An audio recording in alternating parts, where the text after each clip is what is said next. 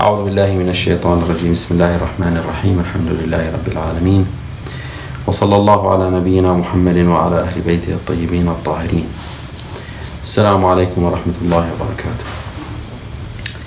نعيش في هذه السنة الذكرى التاسعة والثلاثون آه، لرحيل الإمام الشهيد السيد محمد باقر الصدر رضوان الله تعالى عليه.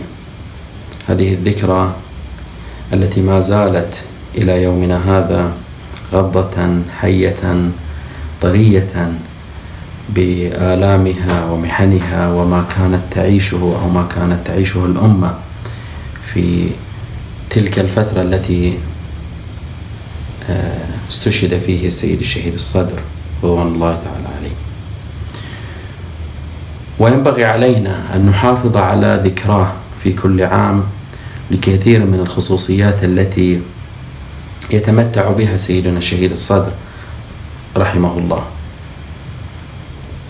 ومن المهم لا أن نتمثل هذه الذكرى بمآسيها وآلامها ولكن المهم أن تضيف لنا هذه الذكرى في كل سنة رقما إضافيا في فكرنا وروحنا وتعاطينا مع أهدافه وقيمه التي استشهد من أجلها.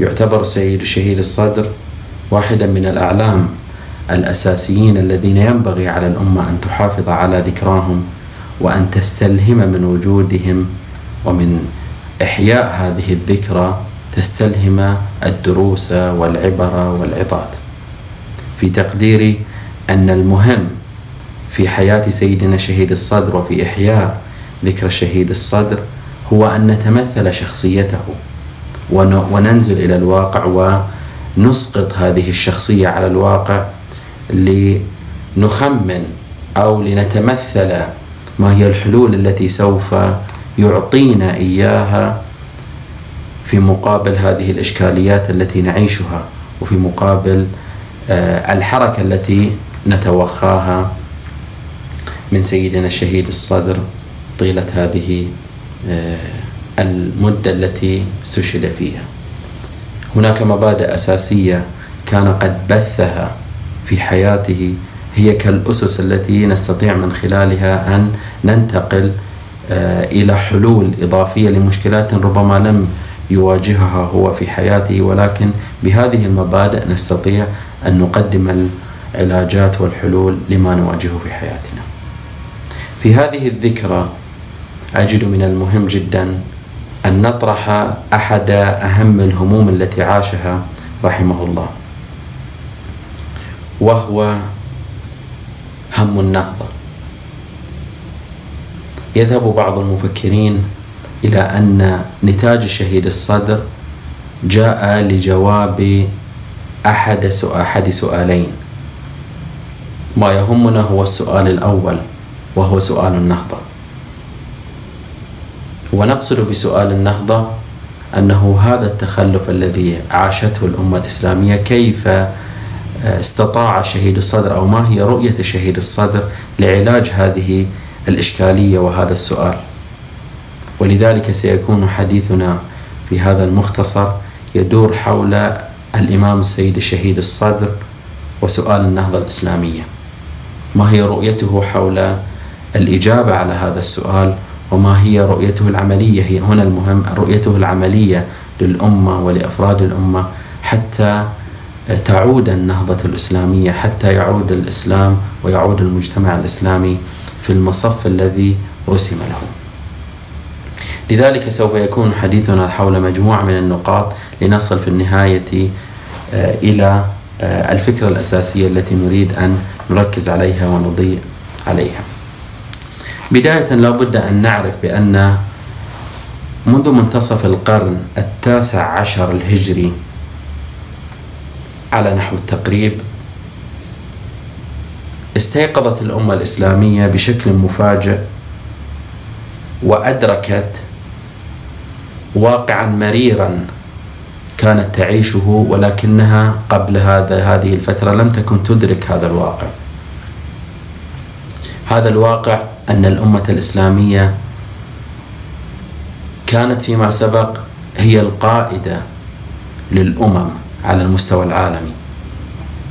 في جميع الأصعدة أو لنقل في كثير من الأصعدة الحياتية الثقافية والعلمية والتقنية وغير ذلك.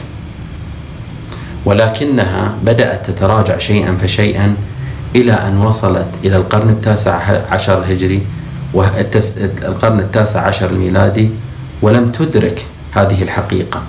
ولكن منذ منتصف القرن التاسع عشر الهجري أدركت ووجدت نفسها في نهاية الركب. هذه الأمة التي كانت تقود الأمم أن عاشت صدمة التخلف صدمة التراجع صدمة لنقل بعبارة أدق صدمة إدراك التخلف وإدراك التراجع. هذا الأمر وهذه الظروف استرعى آه، اهتمام كثير من علماء المسلمين والمفكرين الإسلاميين. بدأوا بالبحث وبالتفكير حول هذا الأمر. الأمة الإسلامية تراجعت. لماذا تراجعت؟ وما هو السبيل لإعادة تقدمها من جديد؟ هذا ما نطلق عليه في الثقافة العربية عنوان سؤال النهضة أو كما عبر بعضهم بهذا السؤال لماذا تأخر المسلمون وتقدم غيرهم؟ بات هذا السؤال هاجسيا لم يستطع آه، أن يمر عليه الكثير من علماء المسلمين خصوصا ما يسمون بعلماء النهضة دون التفكير فيه ومن, ومن دون أن يجدوا حلولا لهذا التخلف الذي عاشت فيه الأمة الإسلامية أو محاولة الإجابة عن سؤال النهضة. لا بد من التنبيه بأن سؤال النهضة سؤال يبدأ بنقد الذات وإلقاء ال ال إن صح التعبير إلقاء اللائمة على النفس. ما هي الأسباب التي جعلتني أتراجع؟ ما هي الأسباب والدواعي التي جعلت من الأمة الإسلامية أن تقف وتكون في نهاية الركب الأممي والركب الحضاري. بغض النظر عن عما يحاك عليها من الخارج. السؤال من الخارج أو الإجابة من الخارج تختلف عما نبحث في ذواتنا. نبحث في ذواتنا كمجتمع وكأفراد. لماذا تخلفنا؟ لماذا بعد أن كنا في الأمام أصبحنا في الخلف؟ هذا هو سؤال النهضة. إذا سؤال النهضة قاده وأراد الإجابة عليه مجموعة من العلماء والمفكرين الذين بدأوا بنقد الذات بنقد ذات المجتمع الإسلامي والأمة الإسلامية. إذا في السياق التاريخي لسؤال النهضة في العالم الإسلامي هذا هذا السياق التاريخي بدأ منذ القرن التاسع عشر الهجري وهناك حديث لدى بعض المفكرين أنه ما زال السؤال قائما. لماذا هذا التخلف؟ لماذا بعد أكثر من مئة سنة ما زالت الأمة الإسلامية لم تستطع والمجتمع الإسلامي لم يستطع أن يتقدم ويتقدم تقدما ملحوظا أو ربما تقدم ولكن هذا التقدم لا يتناسب وإمكانيات الأمة الإسلامية على المستوى الفكري وعلى المستوى النظري. هذا السؤال الكبير في داخل المجتمع الإسلامي ومن اهتم بهذا السؤال وجدنا أن هناك اتجاهين أو لنقل هناك نسقان للإجابة على هذا السؤال. فقط أضيء إضاءات عامة على هذين النسقين حتى ندخل في صلب موضوعنا. النسق الأول ويمكن تعبير عنه بالنسق الوطني والذي آه، كان من أبرز رواده وربما هو الرائد الأول له هو الشيخ رفاعة الطهطاوي. الشيخ رفاعة الطهطاوي شيخ أزهري آه، ذهب مع الطلاب المصريين الذين بعثوا إلى باريس. هناك الشيخ رفاعة الطهطاوي أدرك للمرة الأولى أن الأمة الإسلامية ليست في مقدمة الركب إن الأمة الإسلامية في نهاية الركب ومتخلفة عن الركب الأممي والحضاري لما شاهده من إنجازات حضارية في أوروبا. هذا الموضوع وهذه الصدمة جعلت من الشيخ رفاعة الطهطاوي يفكر في هذا الموضوع. ما هو السبيل الذي سوف يجعلنا نتقدم؟ يجعلنا نقطع هذه هذه النقلة الحضارية نريد أن نكون في مصاف هذه الأمم. ما هو السبيل لذلك؟ ولذلك ألف كتابه المعروف بكتاب تلخيص الإبريز في تلخيص أو تخليص الإبريز في تلخيص باريس في هذا الكتاب تناول هذا الموضوع وبدأ بوصف مشاهداته في باريس وماذا شاهد من منجزات حضارية وأممية هناك. خلاصة فكرة ليس حديثنا عن رفاعة الطهطاوي ولكن خلاصة فكرته أنه حتى تلتحق الأمة الإسلامية والمجتمع الإسلامي بالركب الحضاري لابد أن تبدأ الحكومات الإسلامية باقتفاء أثر الأمم الغربية. وبالتحديد لابد من بعث الطلاب المسلمين إلى تلك الديار الديار الأوروبية وتعلم هذه العلوم والرجوع إلى أوطانهم وتبدأ النهضة بهذا آه، بهذه الحركة وبهذا الرجوع. الآن بغض النظر عن التقييم عن صحة أو عدم صحة أو كمال وعدم كمال هذه الفكرة ولكن هذا يتب يعني يعتبر اتجاه وطني في هذا الإطار فإنه يلقي بالمسؤولية على آه، أبناء الوطن وبالتحديد على الحكومات أنها لابد أن تبدأ بعملية تثقيف عملية تعليم المجتمع الإسلامي فكأنه حصر مسألة النهضة بمسألة التعليم.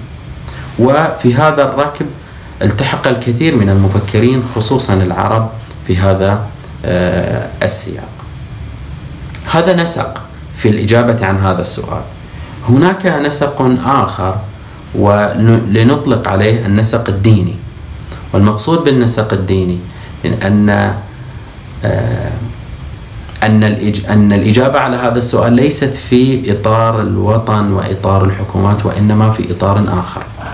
هذا الإطار الآخر الذي طبعا هذا الاتجاه راده آه، وكان رائده السيد جمال الدين الأفغاني.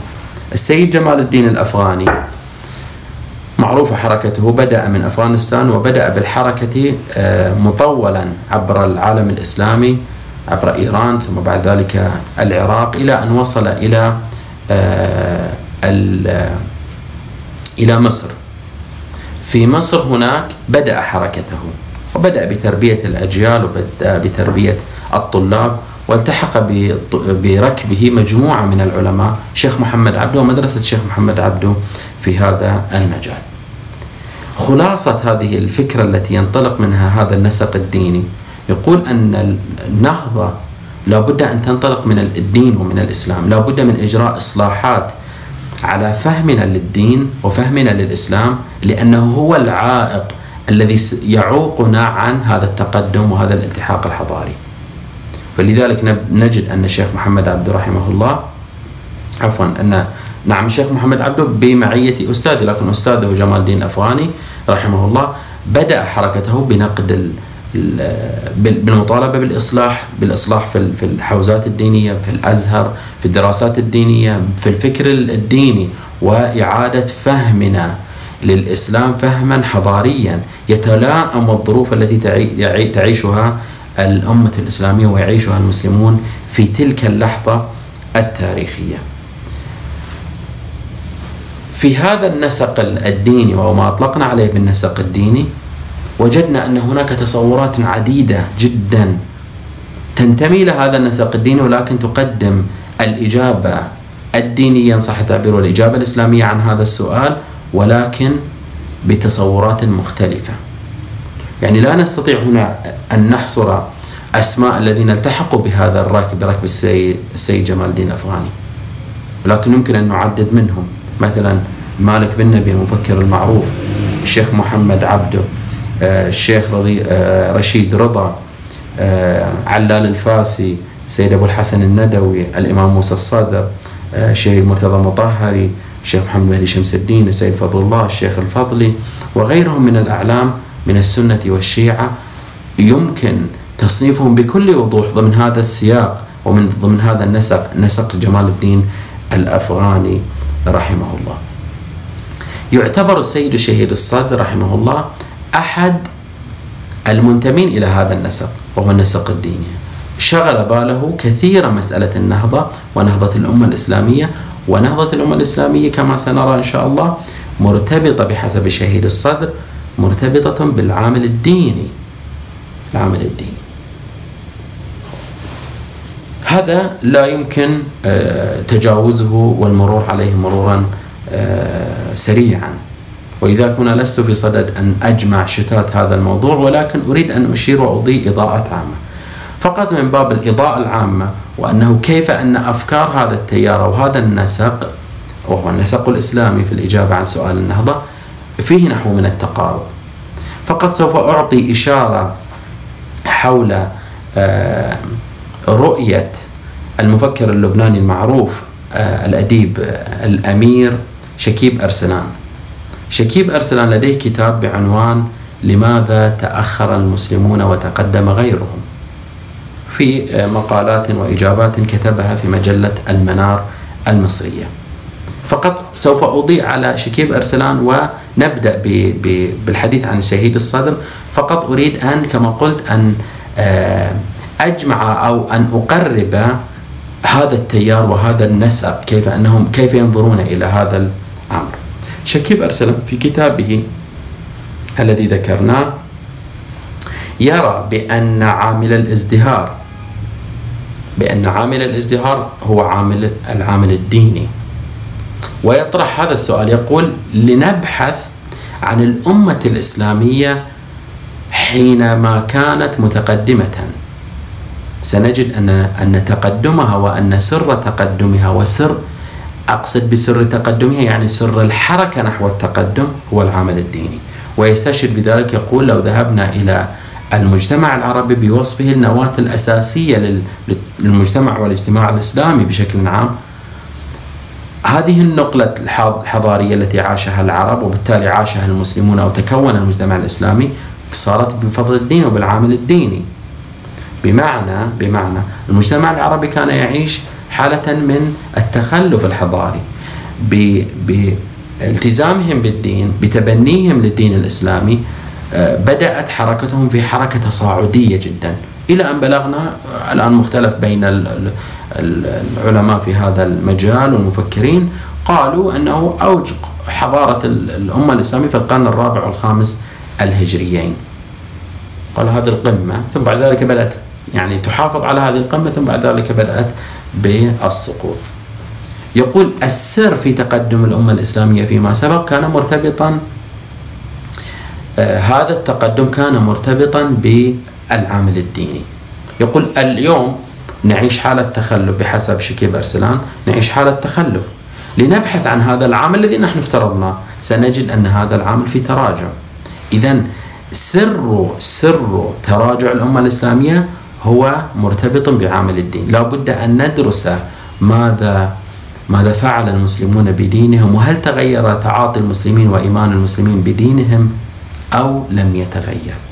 هو يذهب أرسلان يذهب إلى أن العامل الديني قد تراجع في الأمة الإسلامية كثيرا. ويؤكد على هذه الفكرة يقول لا نقول بتراجع الدين الإسلامي أو العامل الإسلامي والديني في الأمة الإسلامية بعد الأمة الإسلامية تركت الدين. يقول لا لم تترك الدين. وإنما الأمة الإسلامية تمسكت بظواهر دينية وبقشور دينية على حساب الجوهر. وجاء بشواهد كثيرة جدا ثم يقول بأن هذا يعني آه، ما يبرز لنا هذا التخ... هذا التراجع الديني الواقعي لا الظاهري أنه هناك مجموعة من العوامل سيطرت على الأمة الإسلامية وبالتالي كانت سببا مباشرا لتخلف الأمة الإسلامية. مثلا يقول الجهل الذي آه، اكتسح الأمة الإسلامية بعد أن كانت أمة عالمة. يقول هذا واحدة من مظاهر تخلف العامل الديني. فساد الأخلاق هذا واحد منها. الخوف والجبن وعدم الإقدام. الجمود على القديم وعدم الرغبة في اقتحام ما هو جديد والإبداع بأشياء جديدة بادت الأمة الإسلامية يسيطر عليها التراث والتأريخ دون محاولة الخوض فيما هو جديد إضافة إلى التحجر الفكري والاجتماعي وغيرها من العوامل التي يمكن مراجعتها في كتابه آه، لماذا تأخر المسلمون وتقدم غيره إذا هذه رؤية رؤية من ضمن هذا النسق الديني. يجد أن العامل الديني هو آه، عامل أساسي بل هو العامل الأساس الوحيد المحرك لحركة الأمة الإسلامية فيما سبق. وافتقادها اليوم بحسب أرسلان افتقادها في تلك اللحظة لهذا العامل جعل منها آه، أمة متخلفة. بالنسبة للسيد الشهيد الصادر طرح هذا الموضوع. طبعا مجمل آه، مجمل نتاج نتاج شهيد الصدر يصب في هذا المجال. ولكن طرحها في مجموعة من المقالات خمس مقالات في بعنوان رسالتنا في مجلة الأضواء تناول هذا الموضوع على نحو الإشارات العامة. في سؤال النهضة عند الشهيد الصدر يمكن تلخيص رؤية شهيد الصدر لأنه تناول الموضوع من جهتين جهة عملية جهة نظرية أولا فكرية ثم جهة عملية. حاول أن يأتي بتلك النظرية أو تلك المبادئ العامة يطبقها على واقع المسلمين اليوم ويجد ما هو الذي تخلف عنه المسلمون وما هو الذي سقط من المسلمين حتى تراجعوا في آه، تلك اللحظة. يعني شكيب أرسلان توفي على ما أظن 1946 السيد شهيد الصدر 1909 1980 إذا من 46 إلى 80 ما زالت الأمة الإسلامية تعيش هذا السؤال وهو سؤال النار. يمكن تلخيص فكرة ورؤية الشهيد الصدر حول هذا الموضوع في مجموعة من النقاط. النقطة الأولى يرى الشهيد الصدر بأن العامل الأساسي أو بحسب تعبيره شروط النهضة. شروط نهضة أي أمة أي أمة من الأمم ليس الآن حديثه نظري. أي أمة من الأمم هو أن تمتلك مبدأ الأمة التي لا تمتلك المبدأ لا تنهض. لا تنهض. ما المقصود من المبدأ المبدأ هو بحسب الشهيد الصدر هو مجموعة من الأفكار التي آه، تحدد الهدف والغاية لهذا الاجتماع البشري. يعني هذا المبدأ لديه برنامج يحدد فيه الأهداف ما هو المطلوب من هذا المجتمع أو من هذا التجمع البشري. يحدد الهدف والغاية لديه هدف وغاية. ثم يضع المثل العليا للمجتمع لديه ينصب لهذا التجمع البشري مثل آه، تقتفي الأمة ويقتفي المجتمع هذه المثل في حركته. الأمر الآخر يرسم اتجاها لهذا التجمع البشري في الحياة. يعني لا يترك هذا التجمع البشري من دون حياة. وبتعبير آخر يمكن أن نقول بأن المبدأ الذي يكون شرطا للأمة لحركة الأمة هو ما يعبر عنه بالمنظومة الفكرية المشتملة والشاملة لكل شؤون الحياة. يعني لا يمكن أن نذهب إلى فكرة أو إلى مبدأ أو إلى منظومة ناقصة ونقول أن هذه المنظومة الناقصة هي تصلح أن تنهض بأمة من الأمم.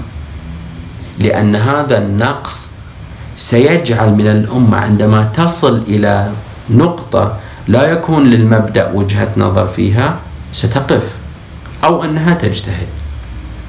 فالشهيد الصدر يفترض أن هذه هذه هذا المبدأ أو هذه المنظومة لابد أن تكون شاملة.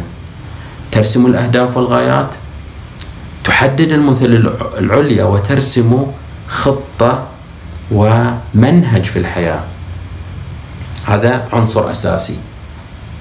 لا بد من استحضار سواء كنا آه، مجتمع إسلامي أو كنا مجتمعا آه، ليبراليا أو كنا مجتمعا علمانيا أو كنا مجتمعا ماركسيا لا يهم. إذا كنت تمتلك مبدأ فهذا أول شروط النهضة امتلاكك للمبدأ.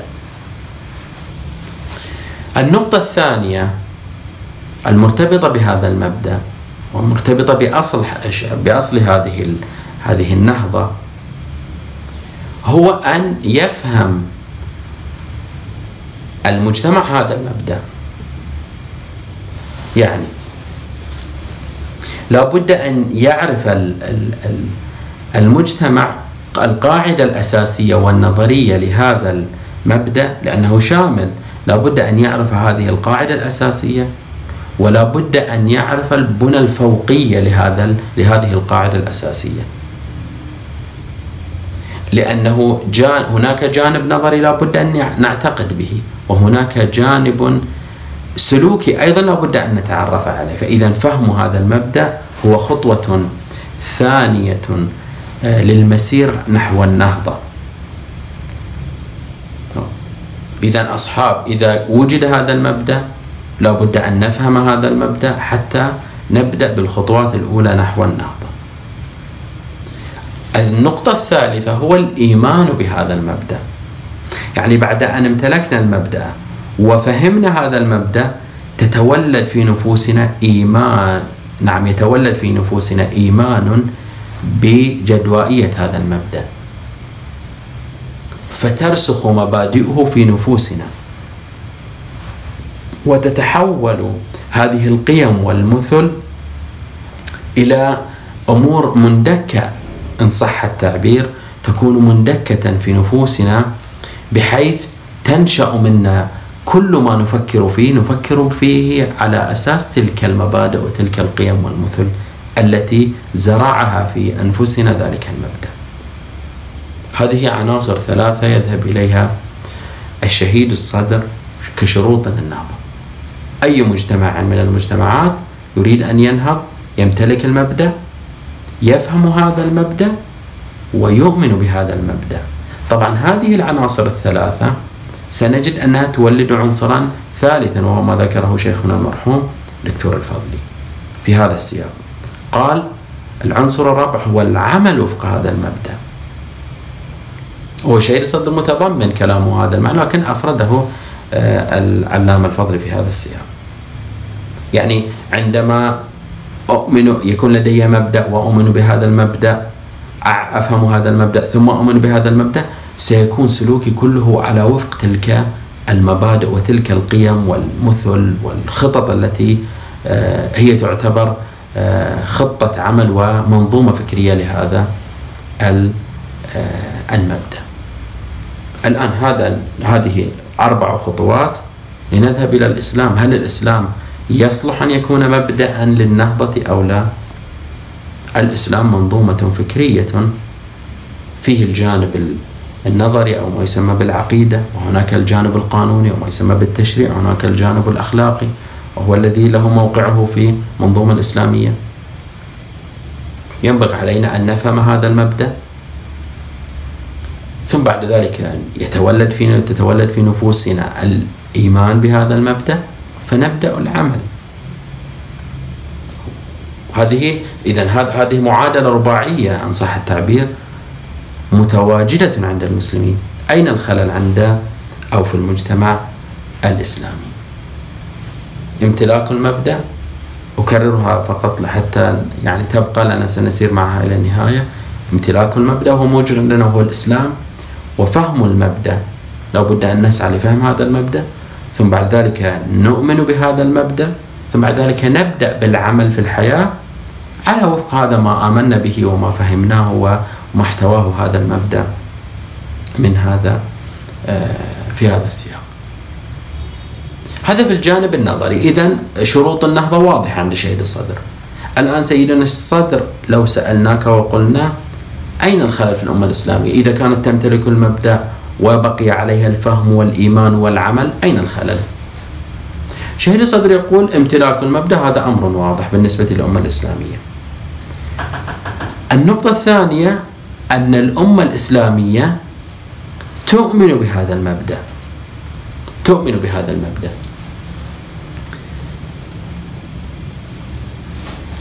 ولكن يقول وجدنا أن الأمة الإسلامية وقعت في مفارقة عميقة جدا غريبة يعني إذا كنت أمتلك المبدأ وأفهم المبدأ يتولد لدي الإيمان. أما أن تكون الأمة الإسلامية لديها مبدأ ومؤمنة بهذا المبدأ ولكنها غير فاهمة لهذا المبدأ.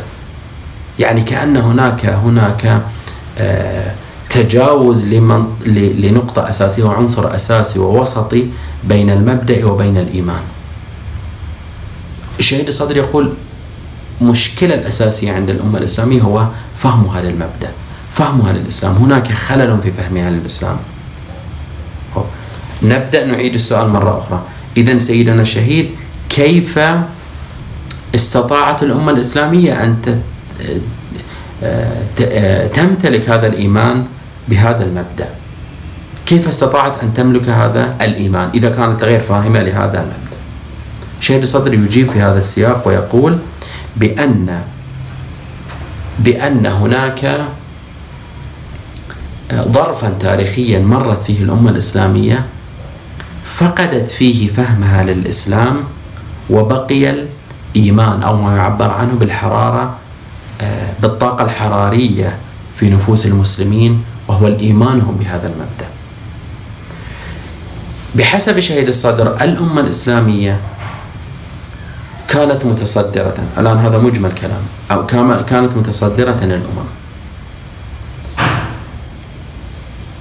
أعداء الأمة عندما واجهوا الأمة الإسلامية أمامهم ثلاثة خيارات حتى يجعلوا الأمة الإسلامية تتراجع عن هذه الريادة وهذا التقدم. الخيار الأول هو أن يقوموا بتحريف المبدأ. يذهبوا إلى الإسلام ويبدأوا بتحريف الإسلام. وهذا طبعا أمر غير ممكن. نتيجة هناك علماء هناك مفكرون هناك المسلمون. لا نستطيع لا يستطيع من أراد أن يحرف في الإسلام يحرف فيه بشكل واضح. ربما يحرف في بعض الجزئيات لكن لا يعني يحرف الدين كله هذا أمر غير ممكن يعني غير عملي في في الخارج غير ممكن يمكن أن يشتغلوا عليه مدة مدة طويلة لكن غير مم غير عملي باعتبار أنهم يريدون يحققوا نتائج وهذا آه العمل فيه بذل جهد كبير وغير مضمون. إذا تحريف المبدأ أمر آه غير ممكن بالنسبة للأعداء. العنصر الثاني والخيار الثاني هو نزع الإيمان بالمبدأ.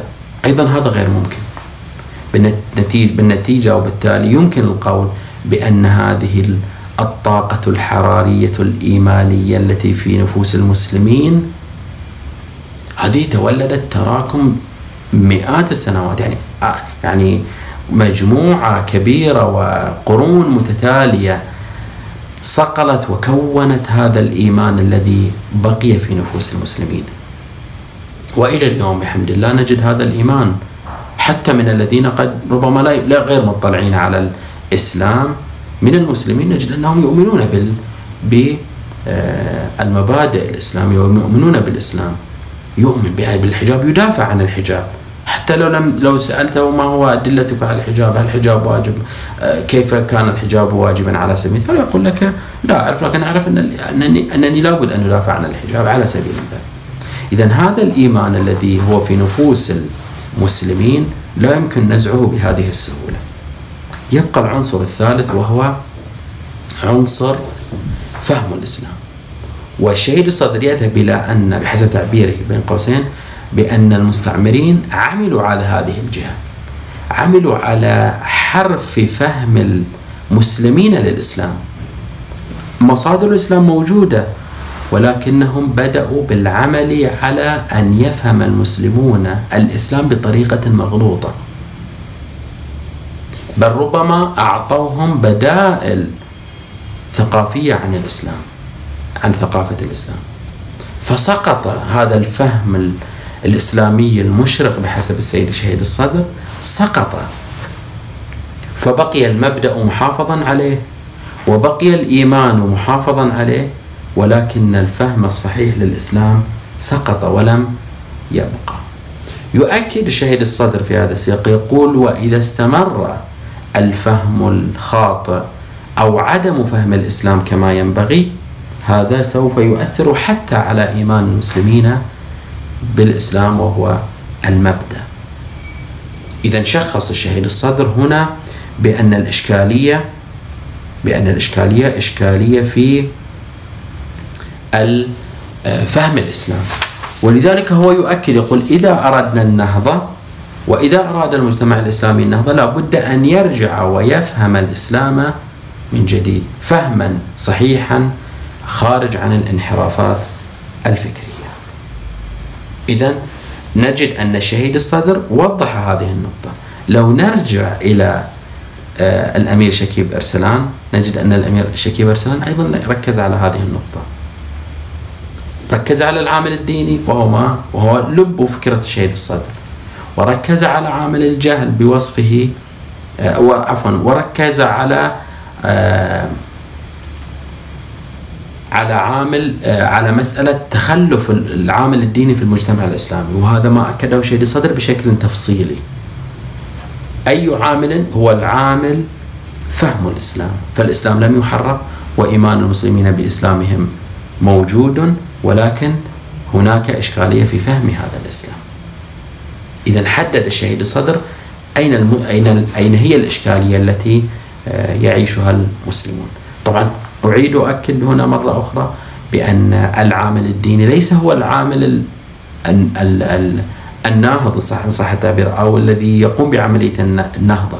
العامل الديني يقوم بتهيئة الظرف من أجل الخروج عن هذا عن هذا التراجع الذي عاشته الأمة الإسلامية.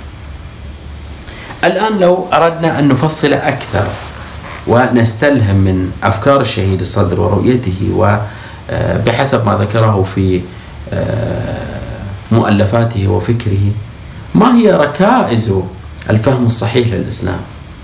إذا أردنا أن نفهم الإسلام فهما صحيحا ما هي الركائز العملية؟ يعني من جهة عملية نريد أن نعالج هذه الإشكالية.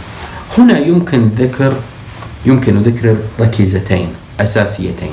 يعني عندما يريد الشاب المسلم أو المرأة المسلمة أو آه، الإنسان المسلم يريد أن يفهم الإسلام لابد أن يلاحظ زاويتين مهمتين. الزاوية الأولى أن يفهم الإسلام في إطاره اليقيني. بمعنى هناك أفكار إسلامية يقينية. أساسية ثابتة لا يمكن أن تتغير وتتبدل. وهناك أفكار إسلامية مدركها مدرك ظني. لا أريد أن أدخل في التفاصيل هذه الفكرة ولكن أعطيها آه، يعني خطا أساسيا على أمل المتابعة فيما آه، إن شاء الله في قادم الأيام. الإنسان المسلم إذا أدخل نفسه وخلط بين الأمور المتيقنة في الإسلام والأمور الظنية في الإسلام سيجد أنه تشتت فهمه للإسلام. فلم يعرف هل الحجاب كيقيني كأمر يقيني في الإسلام هو في عرض أمر ظني في الإسلام؟ لا أريد أن يعني أتي بأمثلة ربما هذه الأمثلة تكون مورد خلاف ونزاعات. الحجاب الصلاة التكافل بين المؤمنين الأخوة الإيمانية والإسلامية وغيرها من المبادئ الأساسية والأمور المتيقنة في الإسلام. هذه أمور يقينية يريد أن يحافظ عليها الإسلام. لا بد أن أعرف أن الإسلام يركز على هذه الأمور وبالتالي أستطيع أن أنطلق من هذه الأمور اليقينية نحو آه، فهم آخر في وفي تعاملي مع الحياة في تعاملي مع الآخر في تعاملي مع الأمور الفكرية في تعاملي مع الحضارات الأخرى في تحفيزي نحو الحركة لبناء الحياة وبناء الإنسان. في مقابل قد يوجد هناك أمر هو من الدين ولكنه ليس أمرا يقينيا من الدين هو أمر لنعبر عنه بأمر ظني أو لنقول من الأمور المتغيرة. هنا كيف أتعاطى مع هذا الأمر. لابد أن يكون تركيزنا في فهمنا الإسلام في هذا الإطار الإطار اليقيني. لابد من التفريق بين الأمور الثابتة والأمور الأمور اليقينية والأمور غير اليقينية الأمور الثابتة والأمور المتغيرة. لا نستطيع أن نبدأ بفتح معركة على أمور متغيرة. الظروف تحكمها لكن نفتح معركة في الأمور الثابتة. هذا أمر مهم في هذا السياق. لأننا بالأمور اليقينية والأمور الثابتة نستطيع أن أن نستنطق الإسلام ونعرف رأي الإسلام في كثير من الحوادث التي تواجهنا في الحياة. هذا أمر أساسي في تقديري لا بد من التركيز عليه ولا بد من معرفته في بنائنا لفهم إسلامي واعٍ. الزاوية الثانية والركيزة الثانية هو فهم الإسلام بعيدا عن الانحرافات. أو بتعبير آخر لابد أن نفهم الإسلام ونفرق بين الإسلام كمبدأ وبين الإسلام كفهم. هناك مبادئ إسلامية هذا الذي يتحدث عنها شهيد الصدر وهناك اجتهادات في فهم الإسلام هناك فهم للإسلام. هذا لابد أن نفرق بينهم.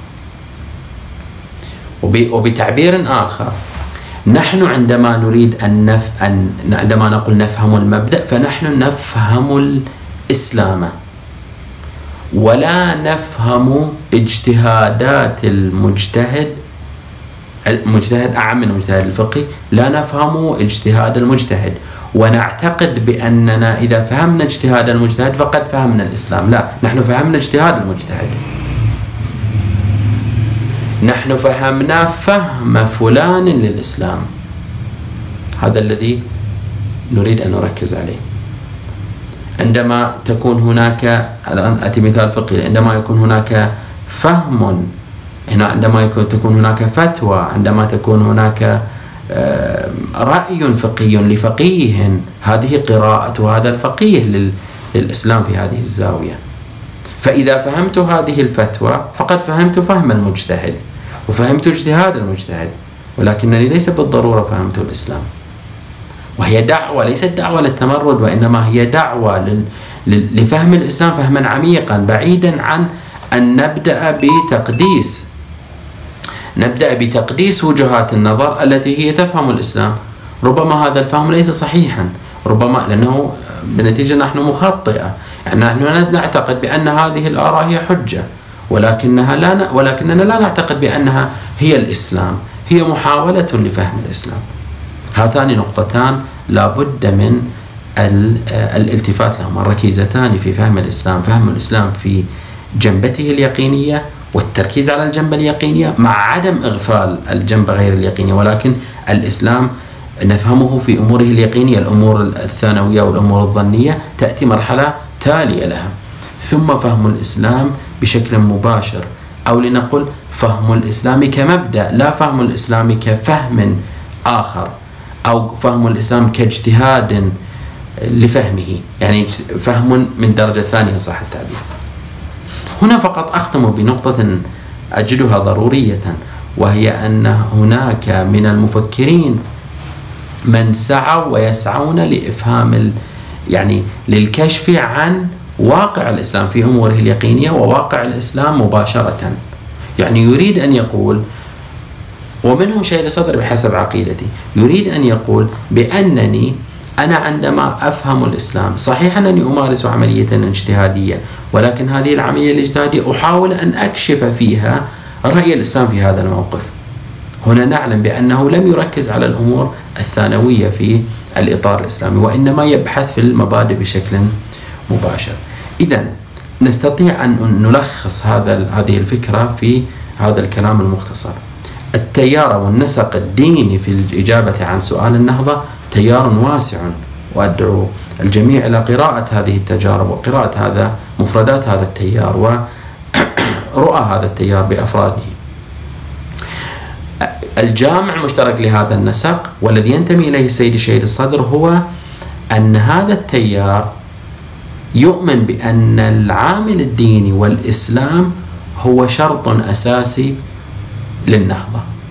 ومتى ما وجدنا أنفسنا متخلفين عن هذا الركب الحضاري أو لسنا كما يريده الله سبحانه وتعالى لنا بأن نكون شهداء على الأمم بأن نكون أمة وسطا لنعرف بحسب هذا التيار لنعرف بأننا قد تخلفنا في أو تخلف عاملنا الديني آه، في نفوسنا وفي فهمنا وفي سلوكنا. هذا هذه الفكرة الأساسية التي أريد أو أردت أن أضيء عليها في هذه الذكرى الأليمة والمحفزة لنا من جهة أخرى. أردت أن أثيرها وأردت أن أسلط الضوء عليها على أمل أن الأخوات والأخوة يتابعون هذا الموضوع سواء كان في نتاج في نتاج الشهيد الصدر رضوان الله تعالى عليه أو في نتاج بقية أعلام المسلمين بحسب بحسب رؤاهم وأفكارهم أقول قولي هذا وأستغفر الله لي ولكم والسلام عليكم ورحمة الله.